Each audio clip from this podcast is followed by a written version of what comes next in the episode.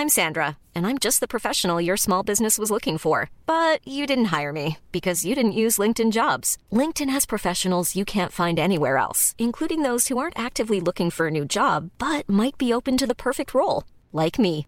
In a given month, over 70% of LinkedIn users don't visit other leading job sites. So if you're not looking on LinkedIn, you'll miss out on great candidates like Sandra. Start hiring professionals like a professional. Post your free job on linkedin.com/people today. Burrow's furniture is built for the way you live.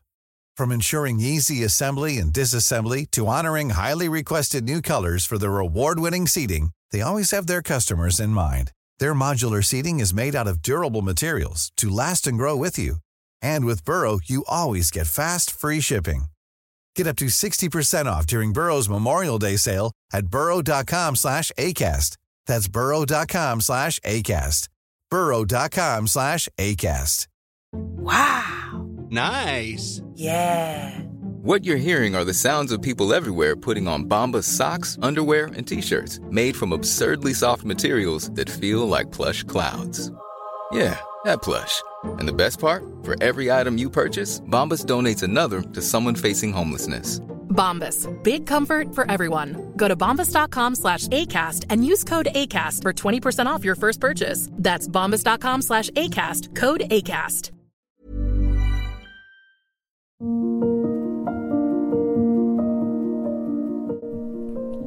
over ti år siden ble jeg, lille Therese, med de store blå øynene og det blonde, krøllete håret, seksuelt misbrukt og offer for overgrep. Jeg er dessverre ikke alene. Hver tiende kvinne blir utsatt for voldtekt, og 80% av disse henlegges av politiet.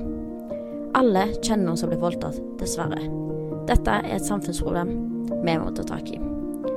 I denne podkasten skal jeg ta dere gjennom hele reisen min i håp om at dette skal hjelpe noen, og i håp om at dette skal skape mer åpenhet og forståelse i samfunnet. Dere skal få høre min historie, andre sin historie, fra pårørende og fagpersoner. Jeg skal være rollemodellen jeg sjøl trengte som tiåring. Dette er det perfekte offeret som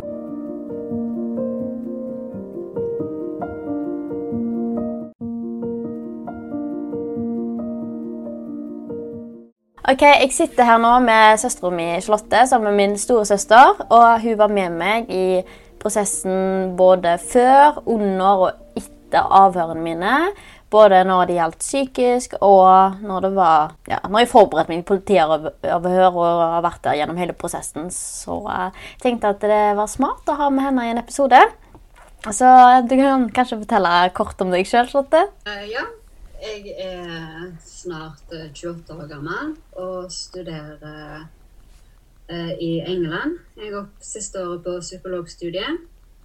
Eh, så jeg og altså jeg er jo eh, ca. sju år eldre enn Therese.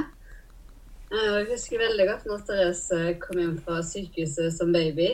Eh, det første jeg gjorde, var jo å i dukkevogna mi ned til lekeplassen. Opp og ned. Jeg var veldig stolt storesøster, for å si det sånn. Men jeg er eldste søster da, i søskengjengen på fire stykk. Ja, utenom broren vår som eldst. Ja, ja, jeg er eldste her. Eldste er søstera. Ok, Det første jeg tenker folk kanskje lurer på, er hvordan du fikk vite det. Ja, um, det som var, var at dette eh, Ja, mot, altså når du fortalte om uh, overgrepene, da, så uh, Altså oppløpet til, til den dagen, eller den natta du fortalte dette her, uh, det pågikk jo i over flere måneder. Det at du ringte meg, som oftest om kveldene eller på nettene, der du Du var godt berusa, eh, du grein mye, og så hørte jeg at du hyperventilerte på telefonen. Du sa aldri hva det var, da. Eh, men du sa at du sleit med å sove, at du hyperventilerte, eh, at du følte at du ikke fikk puste og sånt. Og så eh, brukte du eh, eh, Eller for, for å ikke fortelle hva det gjaldt, da, så um, sa du at, det- at det var pga. andre ting som foregikk i, i livet generelt. Om det var Mm. uh, utfordringer i familie eller i venneflokker eller andre ting. Mm. Um, for å på en måte Jeg vet ikke, det kan jo du svare på det, om det var for å beskytte litt deg sjøl, eller fordi du var redd for eh, for å si noe. Kanskje du var redd for andres uh, reaksjoner òg. Ja, Det er en blanding av det. Ja, for jeg husker, jeg husker selv, for jeg husker ikke, jeg husker ikke de hendelsene du snakker om. Jeg kan huske noen, men jeg, jeg husker ikke alle. Men som du sa, noen av gangene var jeg kanskje godt berusa og sånne ting. Uh, men før jeg på en måte, folk fikk vite om det, og jeg sa det, så tror jeg det må på en måte ha vært underbevisst, underbevisstheten min som har vært redd for hva andre tenker, da, eller at hva familien min tenker. At jeg på en måte er At jeg blir den lille outsideren, på en måte, hvis du skjønner hva jeg mener. For det er jo det alle er redd for. Å på en måte bli litt utenfor. Ja. Eller bli sett ned på, eller at du føler deg ekkel, eller at du går med den der noe Nå kommer ikke jeg til å bli trodd, eller at eh, du på en måte blir den svarte Per, da, for å si det sånn, at det er din skyld at dette skjedde, på en måte. Ja, og det er jo relatert til denne eh, skamfølelsen da, som eh, et offer eh, føler på. Eh, en skamfølelse som overgriperen har påført offeret. da. Um, eh, så det var jeg, jeg, jeg visste at det var noe som hadde skjedd. Jeg visste ikke hva det gjaldt, men jeg visste at, at det var noe som plagte deg ganske, ganske mye, og på dypt nivå, da. Eh, og jeg visste ikke om det var én ting, eller om det var flere ting. Eller om det var ulike ting kombinert, da, at det var ting som var veldig overveldende, rett og slett. Mm. Jeg visste bare at det, var, det er noe som plager deg veldig. Um, og så er det jo på en måte det, da.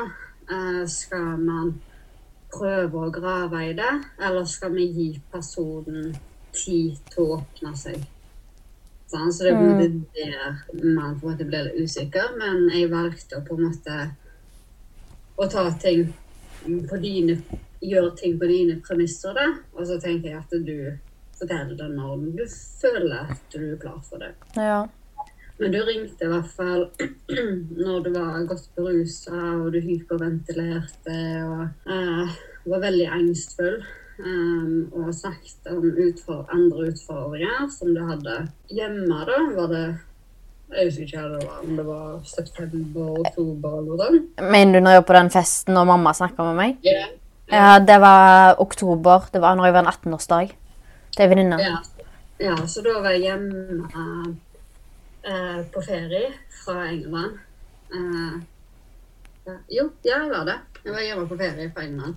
Og så eh, spurte du meg tidligere den, dag, den kvelden eller den dagen da vi kunne hente deg på nattårsdagen. Og så ringer du meg ganske tidlig, eller mye tidligere enn hva vi For vi alle familien når vi alle er ute og drikker i familien, så liker vi å kose oss og vi ha det gøy. Og vi er ikke de tidligste som går hjem, som oftest. Eh, så jeg reagerte på jeg tror det var en ti eller elleve tida du ringte, og du hylgrein. Um, uh, og du var engstfull, og så hørte jeg at du, du hyperventilerte. Så da tenkte jeg OK, um, du har hatt panikkanfall. For det hadde du hatt eh, to-tre ganger før jeg kom hjem at du hadde hatt panikkanfall mens jeg eh, snakka med deg på telefonen. Og så har jeg hatt sånn pusteteknikker og sånt med deg over telefonen, da. Eh, for å på en måte eh, Ja, det vi kaller på engelsk, er sånn grounding techniques. For å på en måte få deg ned, litt nedpå igjen, da. Mm. ja. Jeg er litt usikker på hva de teknikkene heter på norsk. Um, Jeg hadde kalt det sånn, som meditasjonsgreier. jeg. Ja, meditasjonsgreier, ja, meditasjonsteknikker, det kan være puste, ja, pusteteknikker da, for å på en måte balansere eh, de fysiske sensjonene Mm. eh, som man føler på. Fysiske eh, følelsene. Det er litt rart å snakke om det på norsk. ja, men du er vant til å snakke engelsk. ja. Um, eh, ja, ja. Så du uh, eh, eh, var på veien i et eh, panikkanfall, og så ser jeg at uh, vi vi, vi snakker ikke så lenge, men jeg sier vi jeg kommer og henter deg nå. Ja, for jeg sendte vel grinevideoer sånn, på gruppa til meg og deg og Karoline. Ja, ja, Og bilder og sånt. Ja, for vi skulle jo konfirmasjon dagen etterpå, vet du. Til søskenbarnet vårt. Stemmer. Jeg husker ikke helt det, men um, jeg husker i hvert fall at du, når du ringte, så hyperventilerte du, og du var angstfull, og du grein. Ja. Så det, det er det jeg sa, vi kom- vi kommer og henter deg, Uh, send meg adressa.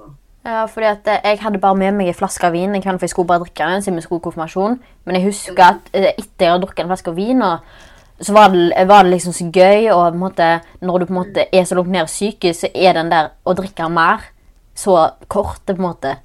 Ja. Og da hadde på en måte jeg vinna meg eh, ren som vi shotta jo det, som vi var galne etterpå. ja. Fordi at da går på en måte alle bekymringene dine vekk når du på en måte er så langt nede og på en måte har det foran deg. ja, du har lyst til å numme de vonde følelsene, rett og slett. Mm, og så vet jeg at jeg får sove godt. Ja. Em, ja. Men også tenkte jeg at vet du hva, nå er jeg faktisk eh, hjemme. Jeg har uh, muligheten til å støtte deg på en litt annen måte. Uh, men òg så følte jeg at dette hadde pågått i lang tid. Uh, jeg vet ikke om jeg har sagt det til deg. Jeg tror jeg, jeg, tror jeg har sagt det til deg i ettertid. Men før jeg kom og plukka det opp, så gikk jeg opp til hverandre og snakka med deg. Jeg vet ikke, jeg husker ikke. Ah, ja, det sa jeg. Eh, og det er derfor mamma gikk ned. Um, jeg, jeg tror jeg har sagt det til deg, men kanskje du har glemt det ut. Eller så har jeg ikke ellers har jeg tenkt på å si det, men at eh, jeg Ja. ikke har sagt det. Men jeg gikk opp til mamma og deg, og så sa jeg at uh, jeg hadde lovt å hente deg i kveld. Uh, så fortalte jeg at du har opplevd panikkanfall over lengre tid. Um, jeg vet ikke hva det gjelder, om det er én ting eller flere ting. Men jeg har en følelse på at det er noe som har skjedd som Therese ikke vil snakke om. Mhm. Um, det kan være uh, tingene i familie, eller det kan være eh, relasjonsmessig eh, i forhold til andre personer. Eh, det vet jeg ikke. Men det er i hvert fall noe som plager Therese. Uh, men eh, jeg kan snakke med henne i morgen når hun har fått roa seg ned litt og fått litt søvn. Eh, så, men jeg vil at dere skal vite om det, sa jeg til dem. Mhm. Eh, så jeg bare ja, vi må jo, vi må jo nesten få snakke med Therese. Så jeg, ja, men jeg tror det er best at vi snakker med henne når hun på en måte har fått roa seg. Det for hun er ganske Emosjonelt sett så er hun veldig eh, Veldig urolig. Mm. Ja, så da Så da gikk jeg ut, eller det var kjæresten min som eh, kjørte, og jeg satt i passasjersetet. Og så um, henta vi deg, og så idet du svarte du ikke på mobilen, og så gikk jeg bort, eh, eller jeg gikk bort til døra, og så kom du nå velsende ut og hylgrein og sånt. Og så fikk, fikk vi deg inn i bilen, og du grein hele veien. Og du sa nesten ingenting. Eh, Det eneste du gjorde, var å grine hele veien. Og så når vi kom hjem, så gikk du rett inn i på rommet. Jeg gikk ikke på rommet ditt, da? Ja, du gikk inn på rommet mitt. Det gjorde du. Mm. Du, eh, du gikk inn på rommet mitt, og så klarte du ikke å snakke. Du bare hulka og grein. Og så eh, sa du, eller begynte å fortelle om at det var andre ting som plaga deg. Eh, ting som du har fortalt tidligere. Og så kom eh, mamma ned, og så sier mamma Therese, kan jeg få snakke med deg? Og så går dere inn på ditt rom, og så blir dere liggende der og snakke. Um, dere snakker i mange, mange timer.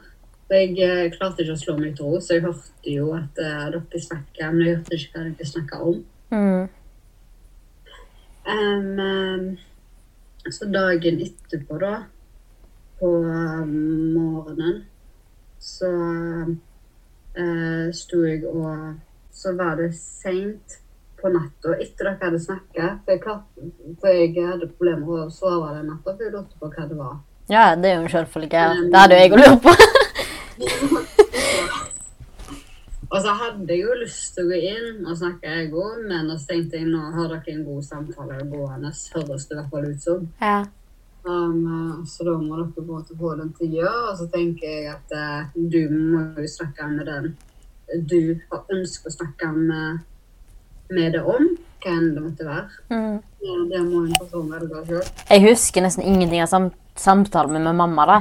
Jeg husker, jeg husker liksom Jeg husker det jeg, det jeg klikka, og det, det, det jeg sa det til mamma. Mm. For da var jeg fly forbanna. Iallfall sånn jeg følte meg, så var jeg fly forbanna når jeg sa det. Mm.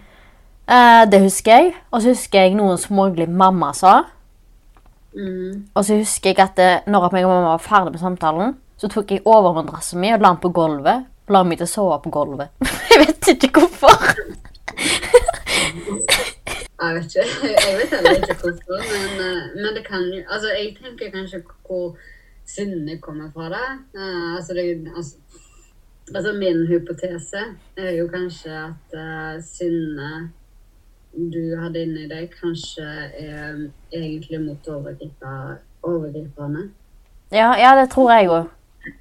At du har bare sånn enormt sinne som har bygd inn i deg, og så på en måte eh, Plutselig så har det bobla opp til overflaten. Og så enten så, så Kanskje retter du det sinnet mot andre som er i nære relasjoner. At du på en å overfører det sinnet til andre. da. Mm. Um, eller så retter de sinnet mot seg sjøl istedenfor. Altså det vi kaller for victim blaming, på en måte. At man klandrer seg sjøl. Mm.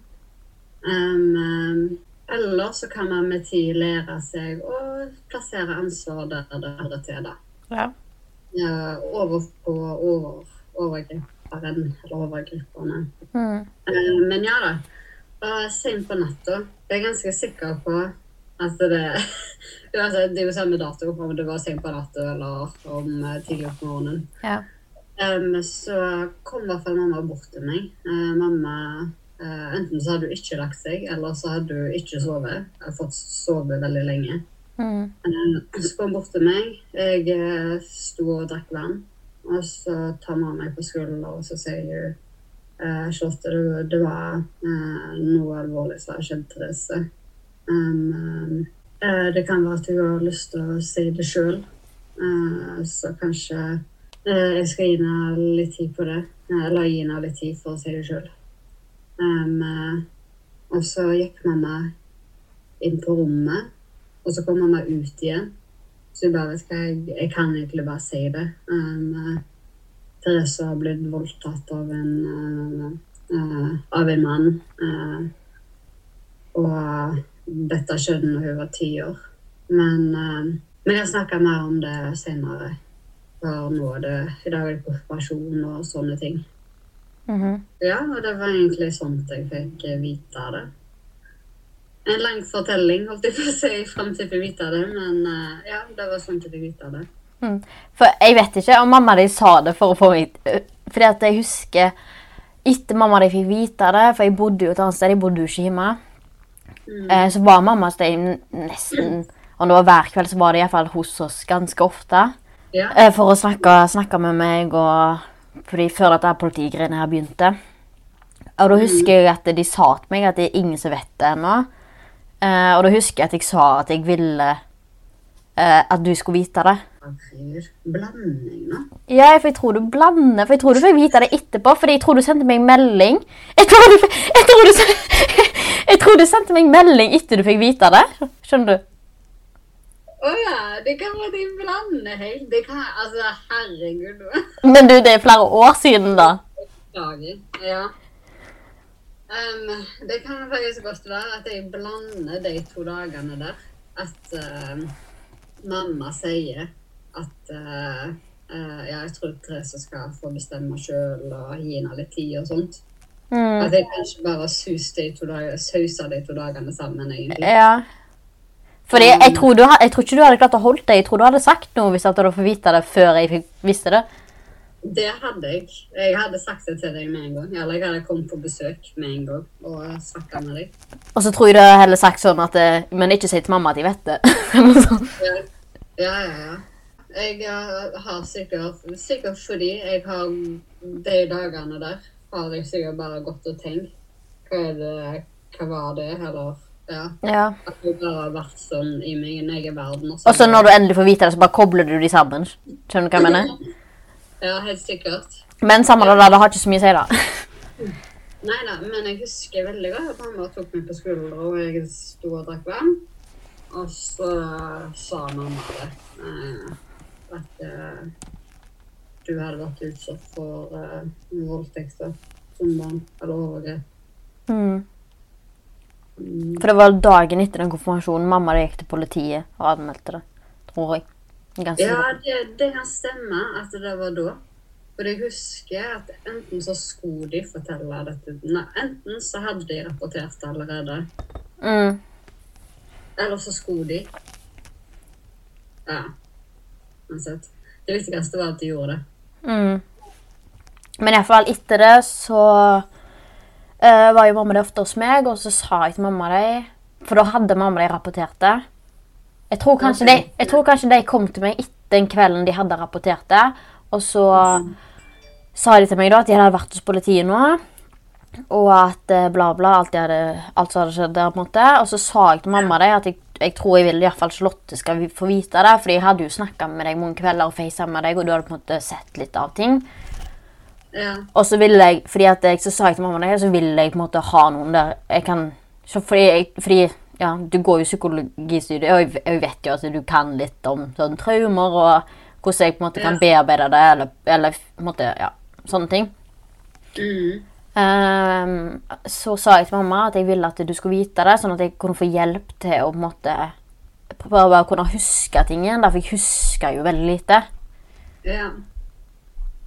Og så tror jeg mamma de sa det. Til deg, i hvert fall. Jeg tror ikke de sa det til, de, til eh, Karoline og Joakim og sånt før eh, seinere. Mm. Litt etter hvert, tror jeg. Ja. ja. For det er jo tungt når man på en måte er midt oppi det sjøl, på en måte. Og så går det liksom Så må du liksom ta runden, da, i å fortelle det um, til folk. Og det er jo slitsomt i seg sjøl å si ting igjen og igjen og igjen. Mm. Um, og så er det liksom OK, hvem vil du da i familien skal vite det? For det er ikke alle du vil skal vite det heller, på en måte. Mm. Uh, ikke med en gang. Uh, og så er det jo det at du vil Du ønsker ikke å få spørsmål fra alle kanter heller. For det er jo det er jo tungt å på en måte hele tida få «Å, 'Hvordan går det med deg? Hvordan går det med deg? Hvordan går det med deg? Har, har du hørt noe mer? Eh, har du fått noe mer tilbakemeldinger? Har du fått noe brev? Har du Sant? Um, det har i hvert fall jeg følt på i ulike situasjoner, da. Ja, ja, men det er jo, det, jeg er jo enig i det. At eh, jeg synes, altså I den perioden etter jeg hadde fortalt mamma det, og når jeg skulle konfirmasjon, så, det, så var det jo akkurat som om jeg hadde drømt dette her, det var ikke sant. Mm. Jeg følte meg jo helt tom for energi. Du våkna opp og bare du følte du var en transe. fordi at det, Ja. For du har jo plutselig endelig våkna opp, på en måte, om det gir mening. Mm. Ja, våkne opp fra et mareritt, og så må du på en måte gjennom, eh, gjennom konsekvensene, da. Eller du må, du må kjenne på den smerten som du har prøvd å, å undergrave. det, Eller smerten du har prøvd å numme i alle år. Mm, og så kommer liksom alt i flash, liksom, fordi at plutselig så husker du det. Fordi jeg har jo på en måte aldri hus jeg har jo på en måte, For når du på en måte ikke Når du på en måte undergraver det sånn, så er det sånn du ikke husker det lenger. Mm. Men når du sier det, så kommer alt i flash, og da husker du plutselig mye. Ja. Veldig merkelig hvordan hjernen fungerer. Ja, men det, det er en forsvarsmekanisme, på en måte. Mm. Altså i Når man på en måte opplever traume, så velger man kanskje Så er det kanskje en forsvarsmekanisme at man på en måte eh, Ja, prøver Ja, numme det. Man prøver å bare undergrave det. Man prøver å ikke tenke på det eh, i det hele tatt. Men sånn som du sier, mange går inn i en type trans eller uh, Ja, at man distanserer seg veldig, da. Uh, for Man blir jo traumatisert. Mm. Det er veldig merkelig da, at jeg på en måte Det det jeg syns er på en måte rart å tenke på sjøl. At jeg på en måte har levd så fint og hatt det så bra på en viss setting. Jeg har jo fortsatt slitt med å sove og sånne ting som det. Men jeg på en måte har hatt det så bra og på en måte levd en fin hverdag uten at det på en måte har påvirka meg. på en måte. På en, på, ja, jeg, var, jeg husker jeg var paranoid når jeg gikk ute på gata, sånn, for jeg trodde alle var han. Men jeg syns det er løye at jeg på en måte har gått rundt og bare levd det er et normalt liv i forhold til etter når jeg sa det. Mm. Men igjen, da, som barn, eller også som, som tenåring, da, eh, så eh, så har man kanskje ikke helt den eh, eh, forståelse, eller virkelighetsforståelsen da, som man har som en voksen. Mm. like, altså, kunnskap får man jo over tid. Sant? Ja, for jeg, husker jeg, for jeg sa eh, i episode fire, som er før denne, da, så sa jeg at For det var noen som spurte hvordan Eller hvordan jeg på en måte Ja, det var liksom om jeg har, hvorfor jeg har levd så fint før jeg på en måte sa det. Eh, og da sa jeg at eh, når at jeg måtte var ti, så visste jeg ikke hva en voldtekt var. Når du blir eldre, så lærer du hva det er, og du klarer å måtte eh, kjenne deg igjen i det. Mm, Og så klarer du å sette brikkene på plass. mm. Men, men liksom i forhold til ord, hva altså Det å forstå ting, sant? Altså virkelighetsforståelse. Altså man går på en måte gjennom ting som barn, da. Men som barn så tenker man ikke så nøye gjennom ting. På en måte Dette med kritisk tenkning. Man setter ikke så mye spørsmål på ting. Man på en måte man lever her og nå. Mm. I dette øyeblikket. Man leker med brattstukker, man leker med Barbie-dukker, man ser på Disney Channel eller Cartoon Network. Man lever her og nå, da. Men etter hvert som man vokser til Nå kommer i puberteten, blir tenåring, og så etter hvert blir vi jo voksne. Og det er jo i tenåringsalderen man på en måte begynner dette med å sette spørsmål med hvem er jeg? Eh, hva, hva, betyr jeg som menneske? Eh, du er mer kritisk i forhold til hvem du forholder, til deg, forholder deg til venner. Eh, du blir kjent med nye mennesker. Du får et annet bilde på hvordan verden er. Du lærer om politikk og lover og regler. Seksual helse. Eh, og dette med voldtekt og hva som er greit og ikke greit. Um, og så vil man jo eh, lære Ja, man lærer, veldig mye om seg sjøl og om verden rundt seg. Eh, og så jo mer kunnskap man får i forhold til politikk, eh, rettsvesen og seksuell helse, da, jo mer vil man jo sette spørsmål ved tidligere erfaringer som kanskje har vært traumatiske for en person.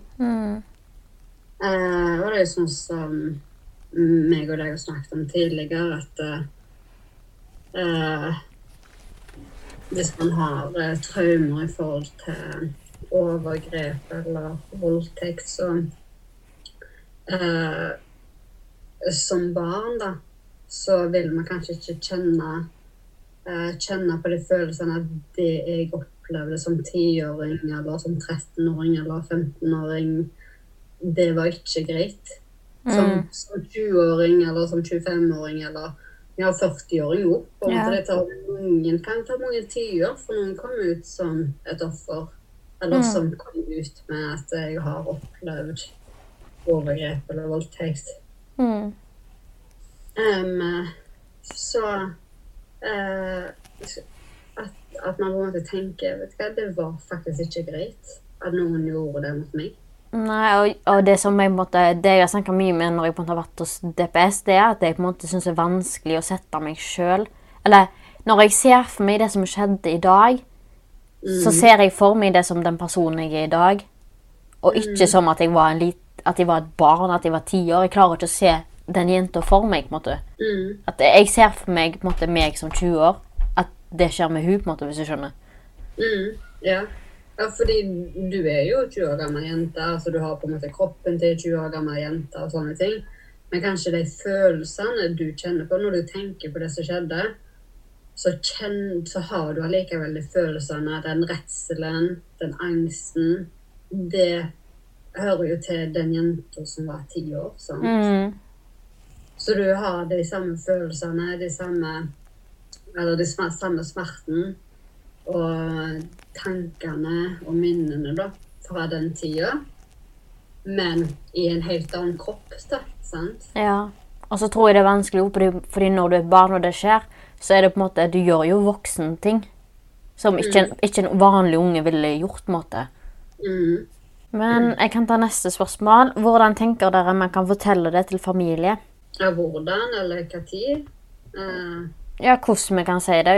Det tenker jeg uansett hva tid. Men jeg, jeg, som jeg sa i min forrige episode, at hvis jeg ikke hadde sagt det den kvelden jeg var full, så tror jeg aldri jeg hadde sagt det til den dag i dag.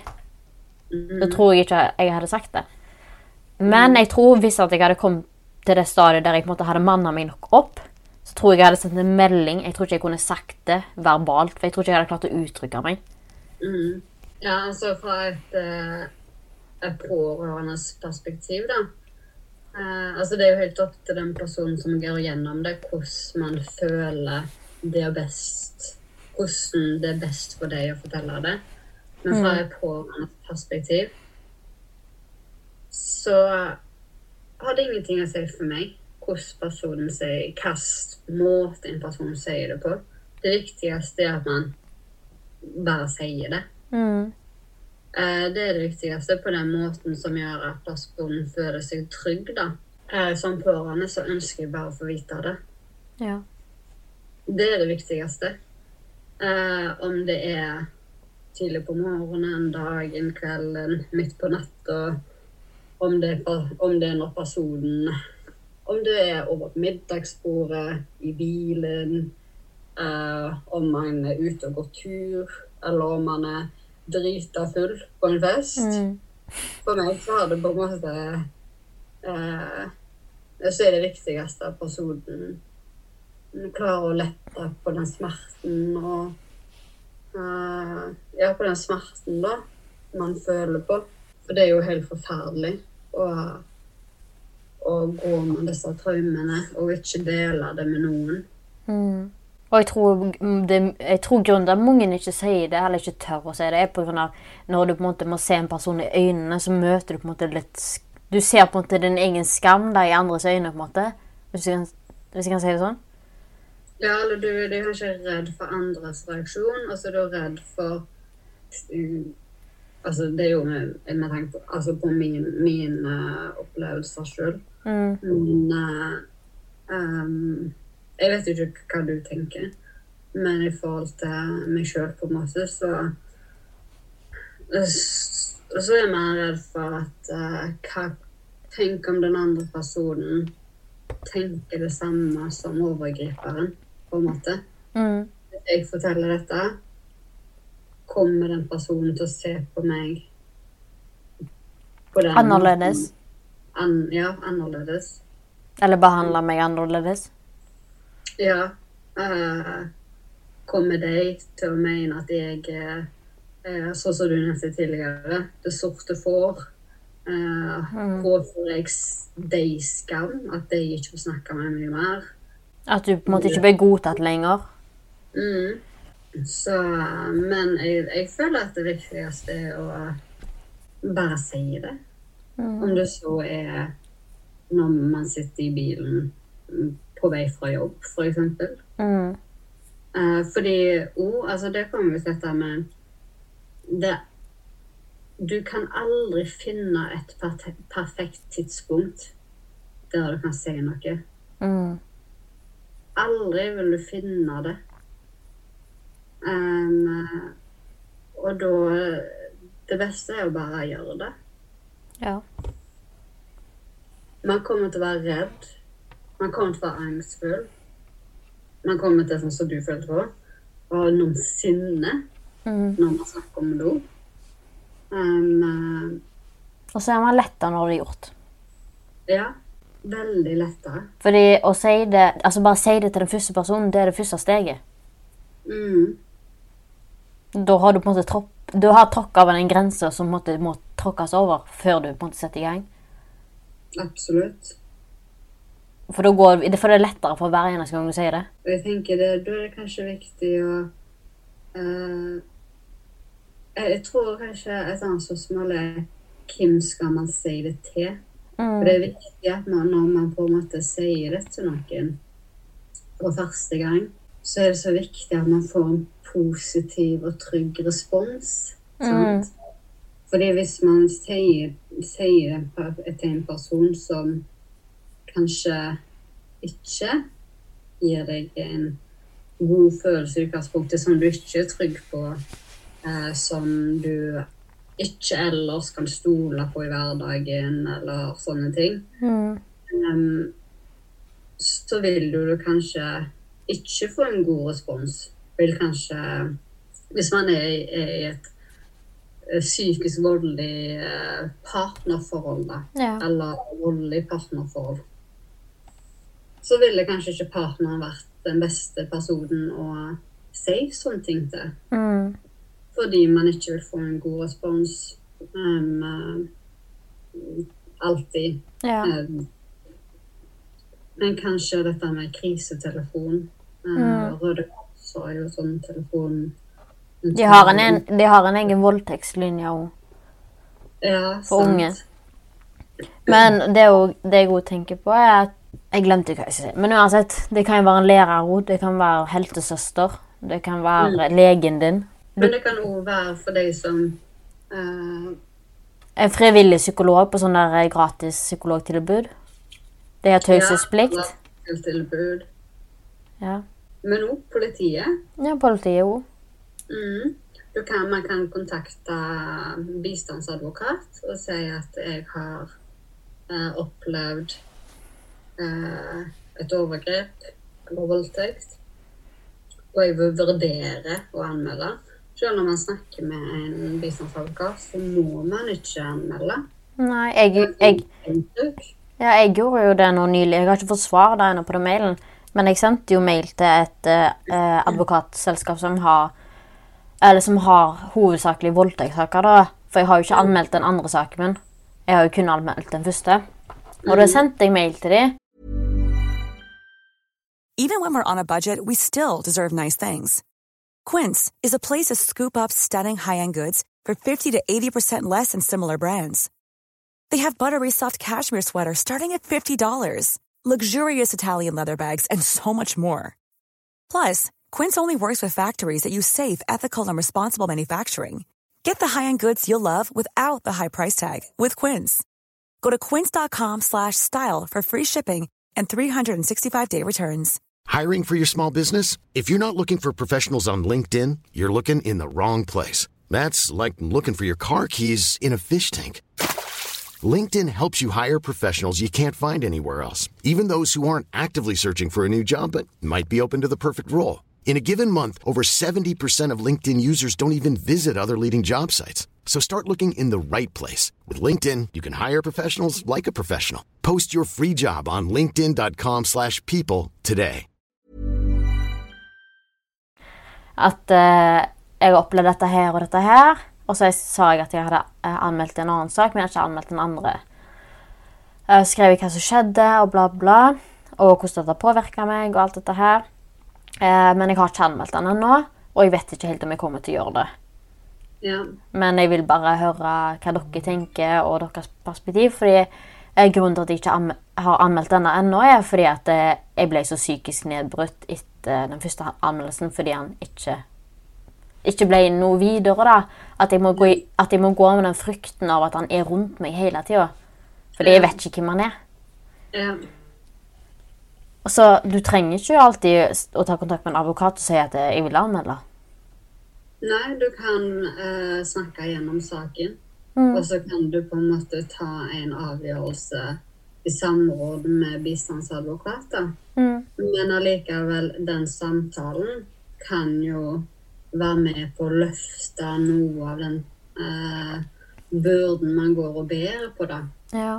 eh, på skuldrene helt alene. Og bistandsadvokater har jo eh, eh, har jo taushetsplikt, på en måte. Mm. Eller ikke på en måte, de har taushetsplikt. Så det er jo eh, Og av og til så er jo det en, eh, en god mulighet for de som kanskje ikke ønsker å, å fortelle det, eller som syns det er for skummelt å fortelle det til de aller nærmeste først. da. Mm. Det finnes aldri. Bare si det når du tenker på det. Ja, bare si det. Hvis du kommer på det, jeg har lyst til å si det, bare gå og si det. Mm. Eller send en melding. Eller ring. Ja, send en melding. Hvordan var det å være storesøster oppi alt det som skjedde, og det å være til stede for meg, da? Uh, hvordan det har vært? Uh, altså, nå har vi på en måte Det jeg syns har vært vanskelig, da, har jo vært det at jeg bor i England. Um, at jeg ikke kan være til stede for deg på samme måte som jeg ellers ville vært. På en måte, Hadde jeg bodd hjemme.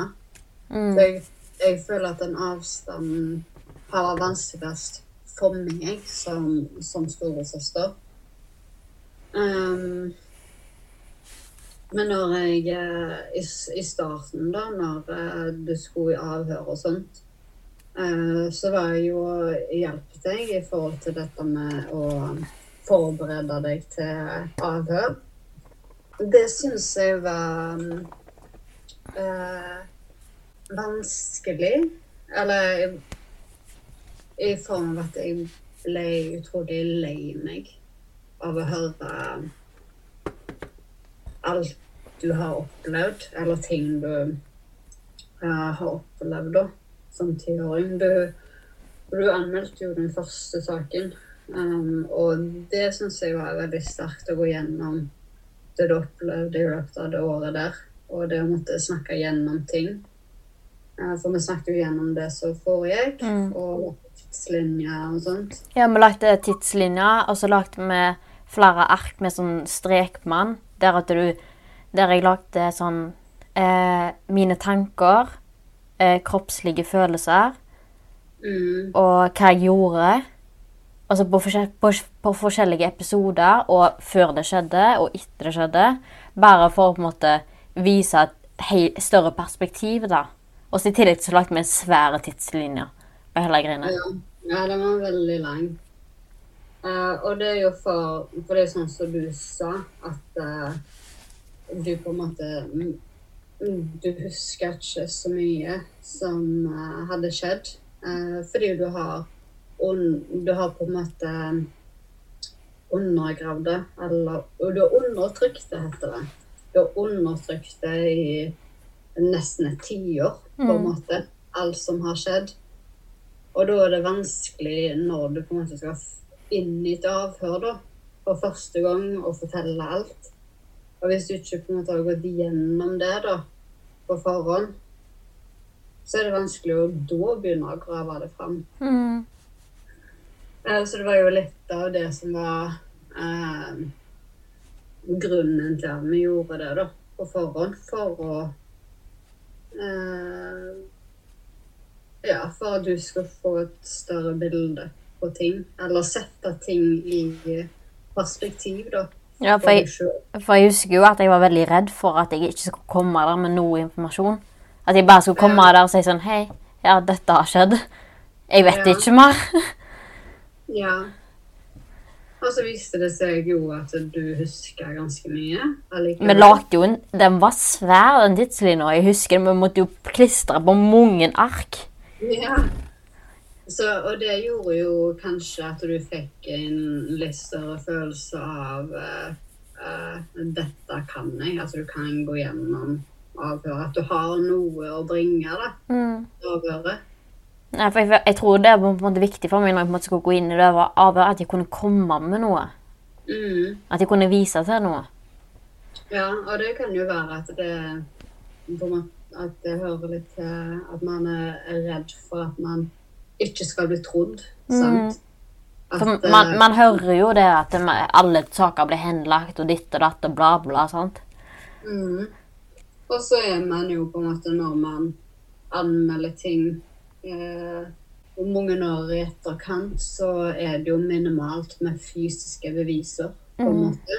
Og da er det mindre sjanse for at ting blir At folk at overgripere blir dømt, da.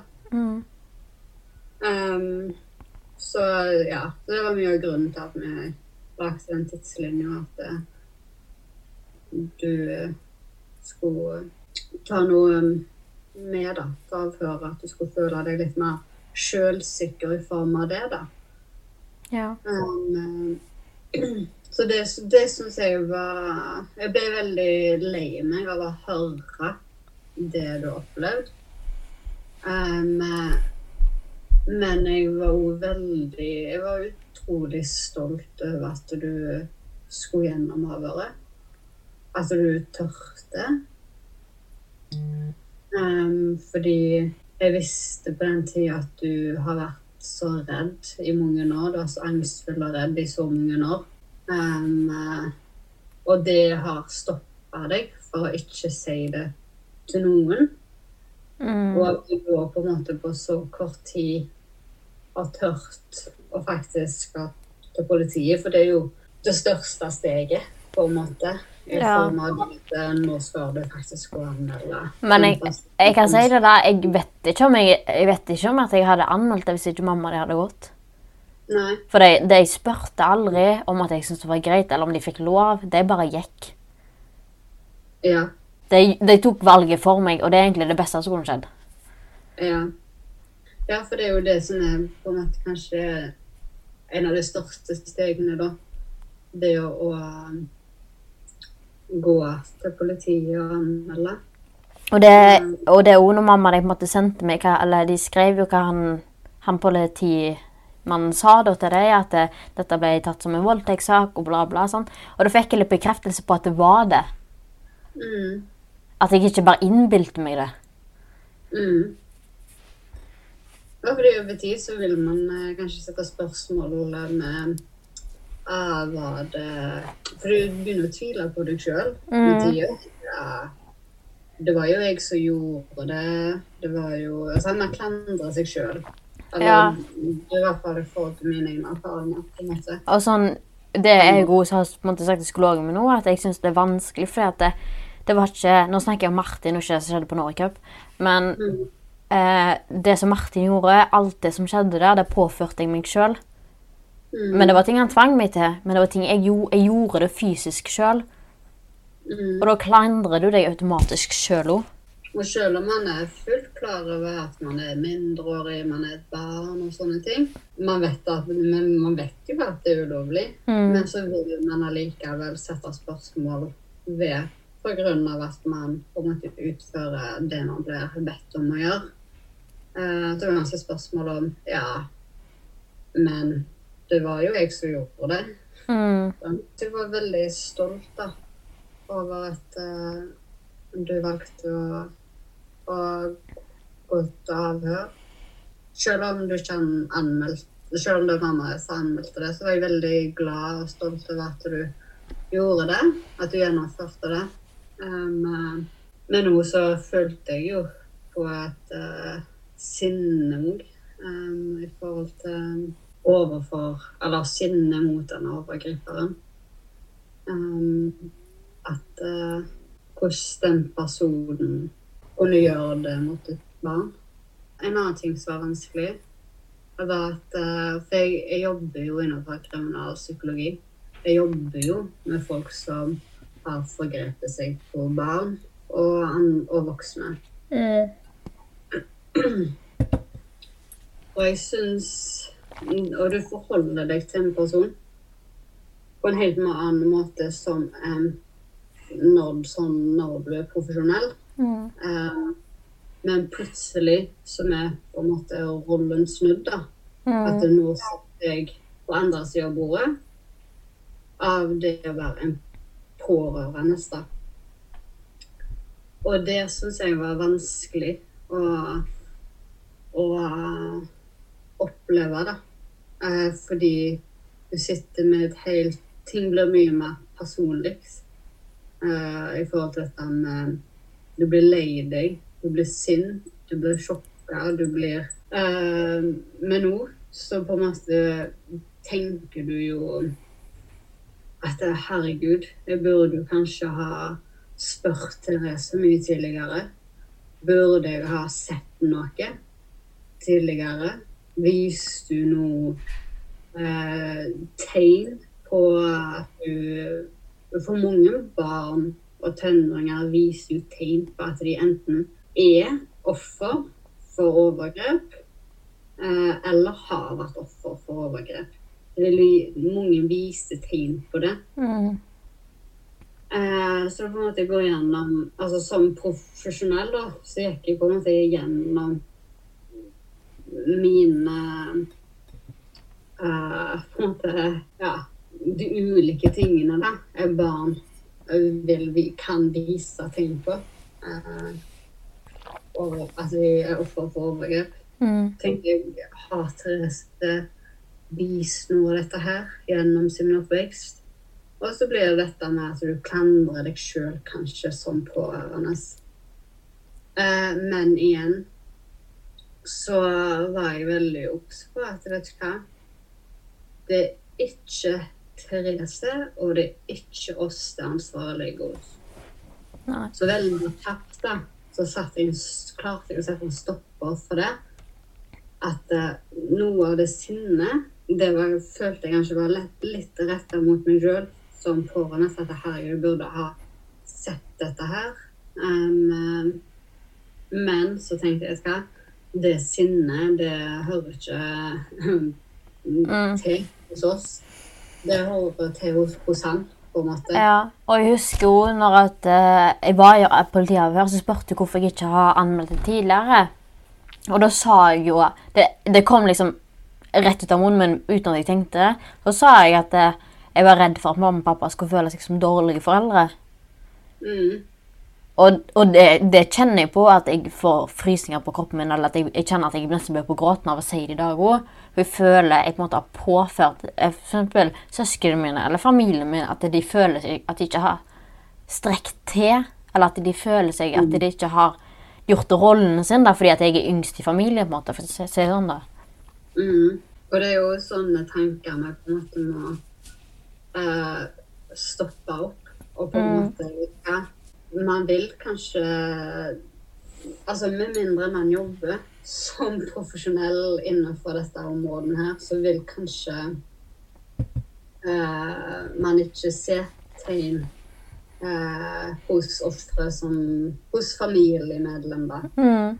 som er ofre for voldtekt eller overgrep. da. Man vil ikke se de tegnene. Um, og i de aller Og i mange saker så vil barn eller tenåringer prøve å skjule det så godt de kan. Sant? Mm. Eh, og det beste med Og der de pleier å skjule det mest, er jo innad i familien i forhold til disse sju, sju veggene. Mm. Og er tenåringer i dag, oppholder seg mye på rommene sine. sant? Mm. Og da er det jo vanskelig for søsken og foreldre å, å oppdage noe som helst. sant? Med mindre man går rundt på telefon og iPad og mobiler og sånne ting. Um, det er lettere for profesjonelle å oppdage det. På skole, f.eks. Helsetjeneste. Ja, og sånn Det er òg i ettertid. Sånn jeg har fått melding Jeg fikk melding av f.eks. hun jeg var i bursdagen til. Uh, hun sendte meg melding etter jeg la den Jeg hadde gjester av Martine sin podkast. Og etter den, Ja. fordi det var da på en måte folk ville vite omfatt, omfatningen om, rundt dette her. da. Ja. Jeg hadde ikke sett hva det handlet om før da. Og da jeg husker jeg, da sendte hun meg melding, og da, eh, og da skrev hun 'unnskyld for at jeg ikke skjønte hva det var'. Ja. Og det er sånn sånn så Læreren min på barneskolen nå skrev, sendte meg melding og skrev 'unnskyld for at jeg ikke så det'. Og det er det jeg på en måte Og det er det jeg mener at det er så Det er så viktig at når man er pårørende, og man er nærmeste familie eller folk som har vært rundt, da, mm. at det er viktig at man ikke klandrer seg sjøl for at man ikke har sett noe. Fordi det er ikke deg sjøl du skal klandre. Det er personen som uh, har gjort dette her. Det er jo der ansvaret ligger. Det er der skylden ligger. Uh, og, det, og det er viktig at man på en måte er obs på det. Eh, fordi du kanskje da, når man begynner å klandre seg sjøl, det er jo da du begynner å påvirke psykisk helse, da. Sant? Mm, og det er jo det jeg, jeg har jo jeg, Altså, når du på en måte har opplevd sånn sjøl, så vet du hvor mye den der klandretingen gjør med deg. Og da er du så redd for at den skal på en måte gå over på alle andre rundt deg. Mm. For ja, det er greit at du har det dårlig sjøl, men når du på en måte blir dårlig rundt folkene rundt deg, det er jo da det på en måte blir verst. Mm. For man, man driter jo seg sjøl, men man bryr seg om det folkene rundt seg. sant? Men, men nå er jeg egentlig litt uh, nysgjerrig på Når du får sånne meldinger i forhold til 'unnskyld for at jeg ikke så noe', hvordan får det deg til å føle?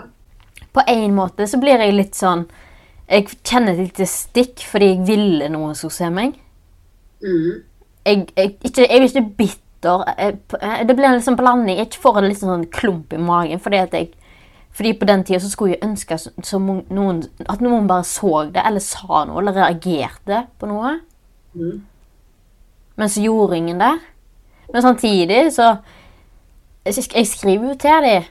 Det er ingen å klandre rundt meg. Det er ingen som kunne sitte, det er ingen som kunne oppdage det, med mindre de fysisk gikk inn på iPaden min og så hva som skjedde. Mm. På en, på en rar måte, uten at jeg på en måte surer på noen eller på en måte klandrer noen. eller et eller annet sånt Men bare den, den følelsen bare at det kunne ikke bare noen ha sett det. Ja, Eller stoppa det. Ja, stoppa det. Sett, sett deg og stoppa det, fordi du trengte Du klarte ikke å komme deg ut av den situasjonen på egen hånd. Mm. Uh, og, det er jo vanskelig for barn å komme seg ut av en sånn situasjon der og da. Mm. Um, og man skjønner ikke hvor alvorlig en situasjon er. Man skjønner ikke hva som foregår. Som en barn så skjønner man ikke hva som foregår heller.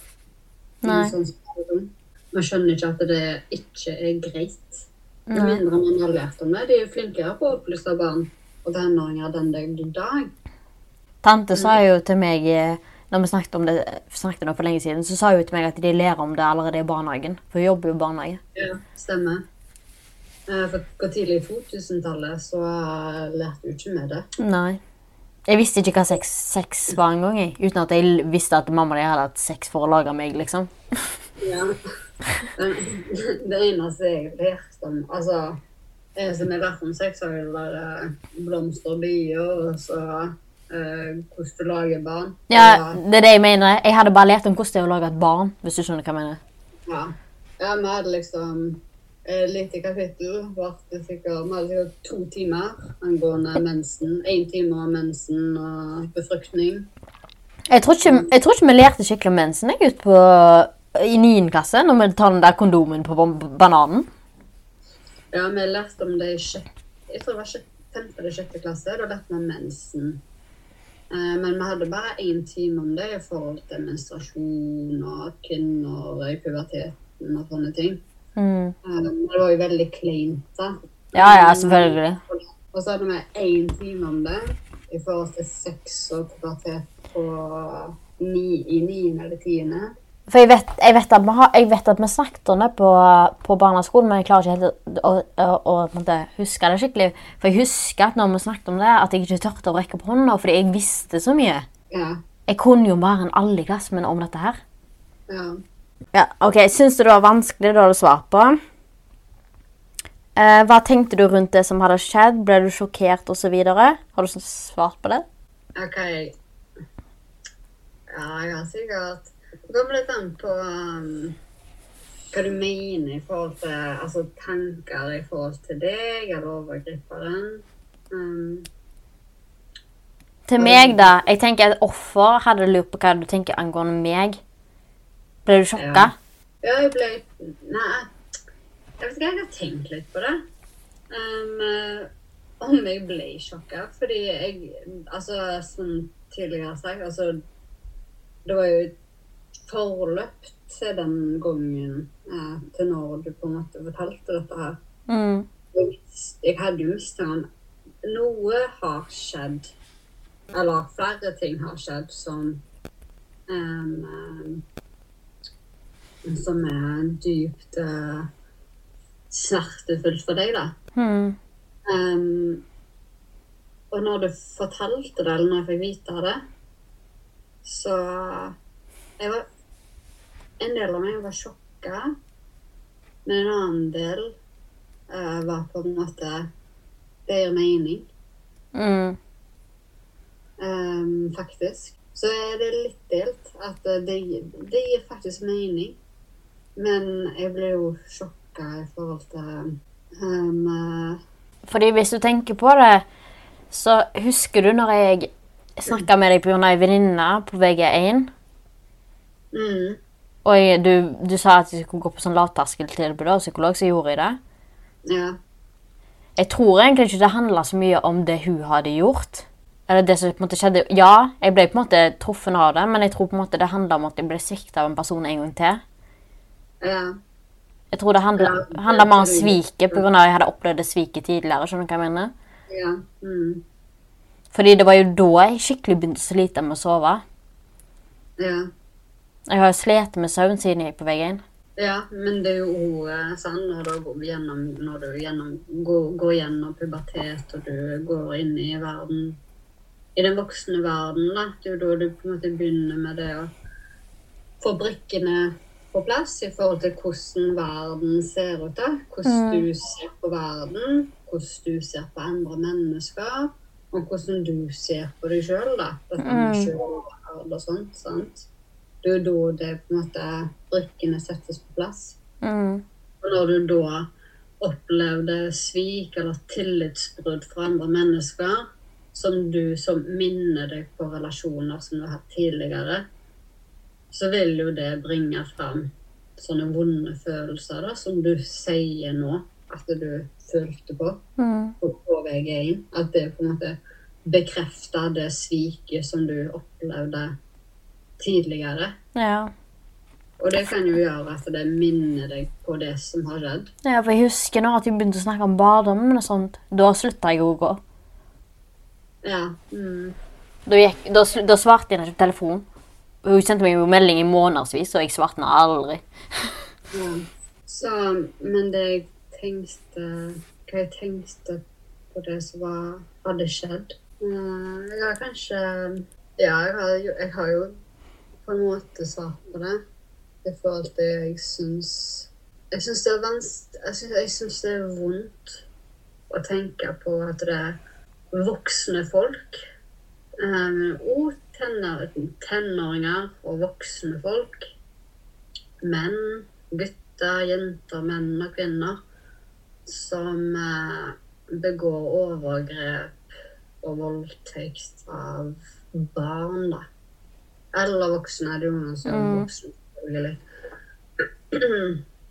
At det er vondt at uh, de tillater seg sjøl å utnytte andre mennesker så grovt som det gjør. For det ødelegger jo eh, hele livet til den personen. Eh, eller det kan ødelegge hele livet til den personen.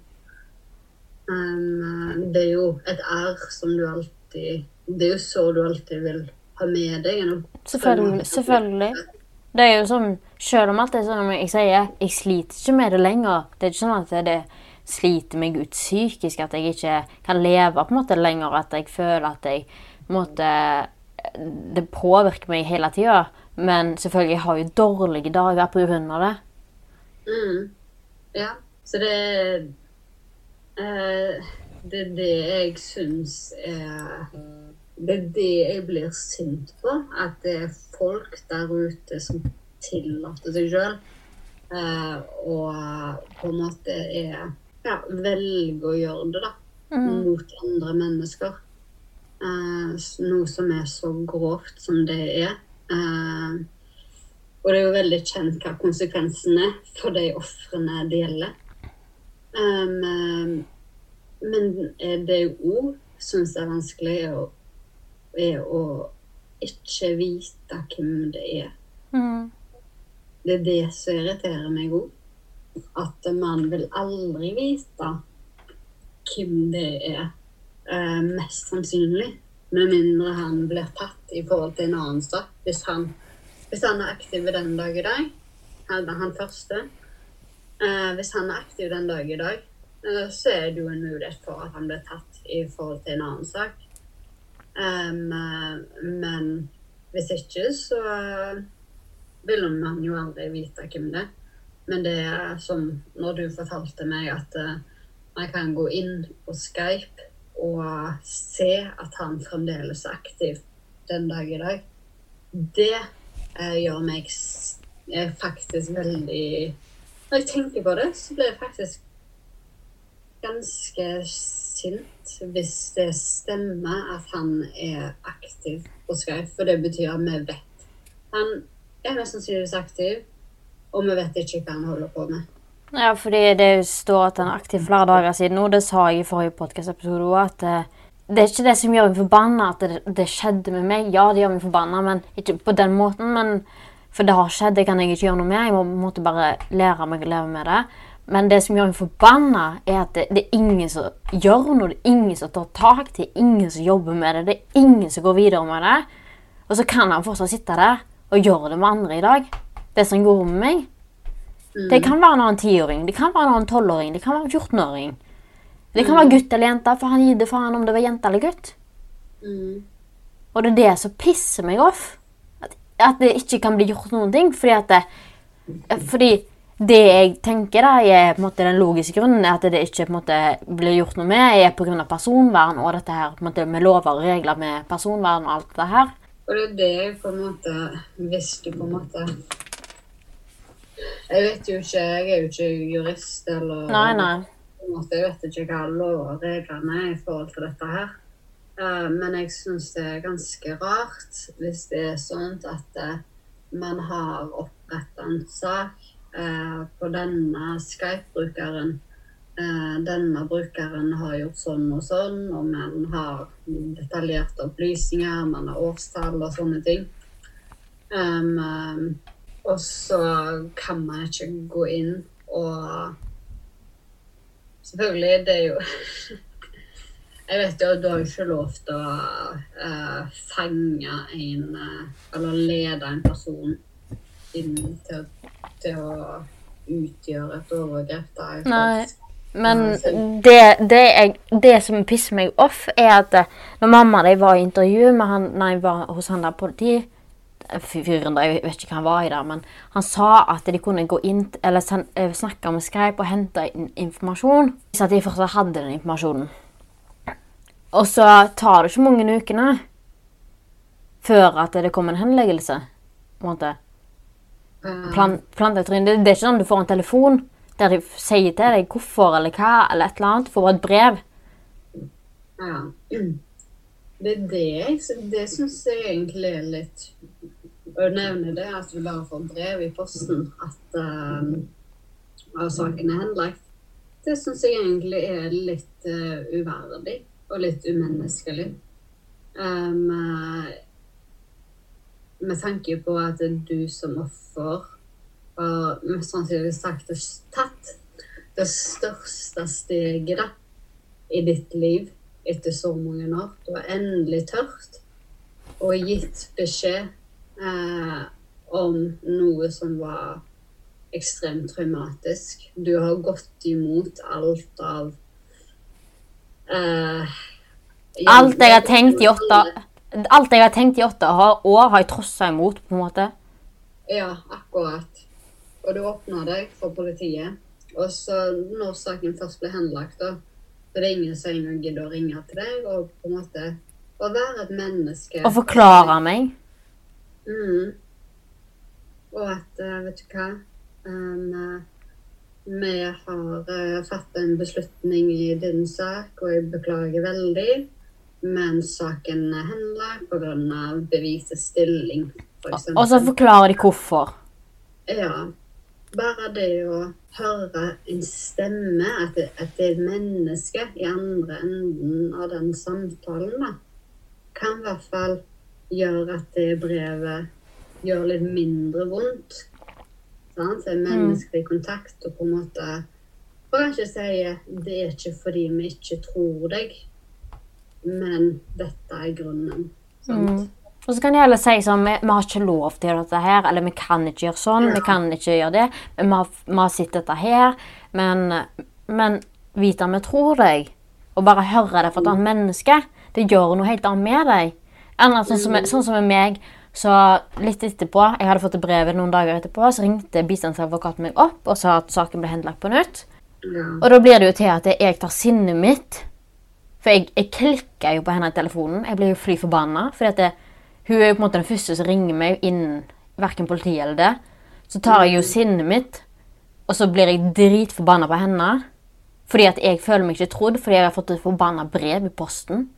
Ja. Som jeg, ikke, jeg vet ikke hvorfor saken har blitt henlagt. Jeg vet ikke hva. Nei. Det er ingen som har sagt noe til meg. Ja.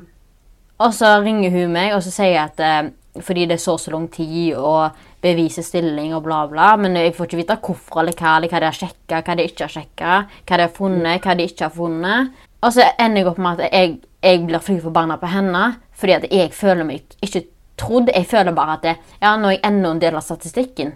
Og jeg tenker Når det gjelder så personlige ting Det er ikke tyveri, det er ikke bilkrasj. Det er ikke en bedrift som har bestjålet eller blitt lurt, eller er ikke noen som har lurt penger. Det er noe som gjelder din egen kropp. Er det noe en person kan dele mest sårbar, så er det deg sjøl naken. Det er det, det du deler med den personen du elsker, f.eks. Det, er- det det, det du deler mest når du er på det sårbareste, på en måte. Mm. Og så er det det du blir møtt med, et brev i posten, tenker jeg. Ja, det er kjempe Ja, umenneskelig, da, syns jeg. Um, um, og det er jo det som på en måte er den største skrekken uh, Eller en av de uh, Ja. En av de tingene som gjør at et offer ikke anmelder heller, det er jo fordi de er redde for at den saken skal bli henlagt. Fordi det betyr jo at eh, det Det det gjør at for når du anmelder og på en måte skal gå gjennom hele saken og sånn, det er jo retraumatiserende i seg sjøl. Sant? Uh, og man trenger kanskje mer psykisk helsehjelp etter man har vært i avhør, enn hva man kanskje trengte før man har vært i et avhør. Fordi det er så stor påkjenning. Det er så graverende, det du må eh, Det du må fortelle om. Eh, for du må gå ned i detaljer i et avhør. Og så får du spørsmål som du aldri har blitt spurt tidligere. Ja, sant. Um, så da Så det å på en måte bare sende et brev i posten, da, er jo Det blir som en regning, på en måte, hvis du skjønner hva jeg mener. Ja. Altså, Det, du føler deg som om du Det var det. OK, så det, det betydde ikke noe mer enn et brev? nei, og så følte jeg på en måte at det brevet kom i posten, så bare følte jeg at det, nå vant han enda en gang. Og det er jo det som hindrer folk i å kanskje anmelde ting hvis de opplever noe annet seinere. Sant?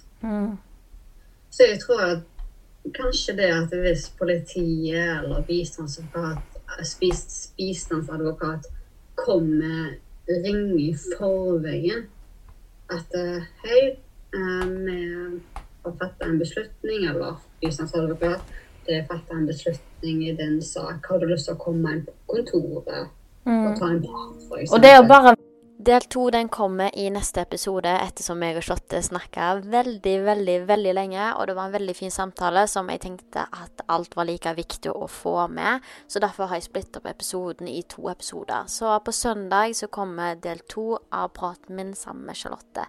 Så snakkes vi veldig snart, og husk å ta vare på hverandre.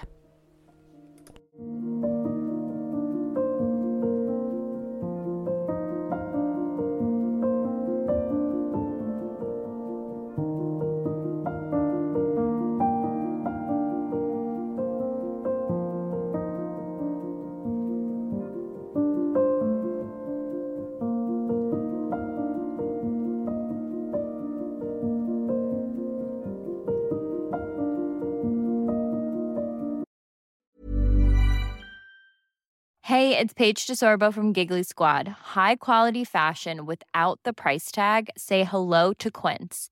I'm snagging high-end essentials like cozy cashmere sweaters, sleek leather jackets, fine jewelry, and so much more. With Quince being 50 to 80% less than similar brands.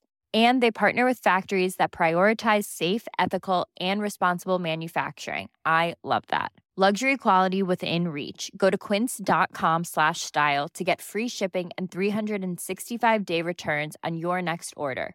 Quince.com slash style.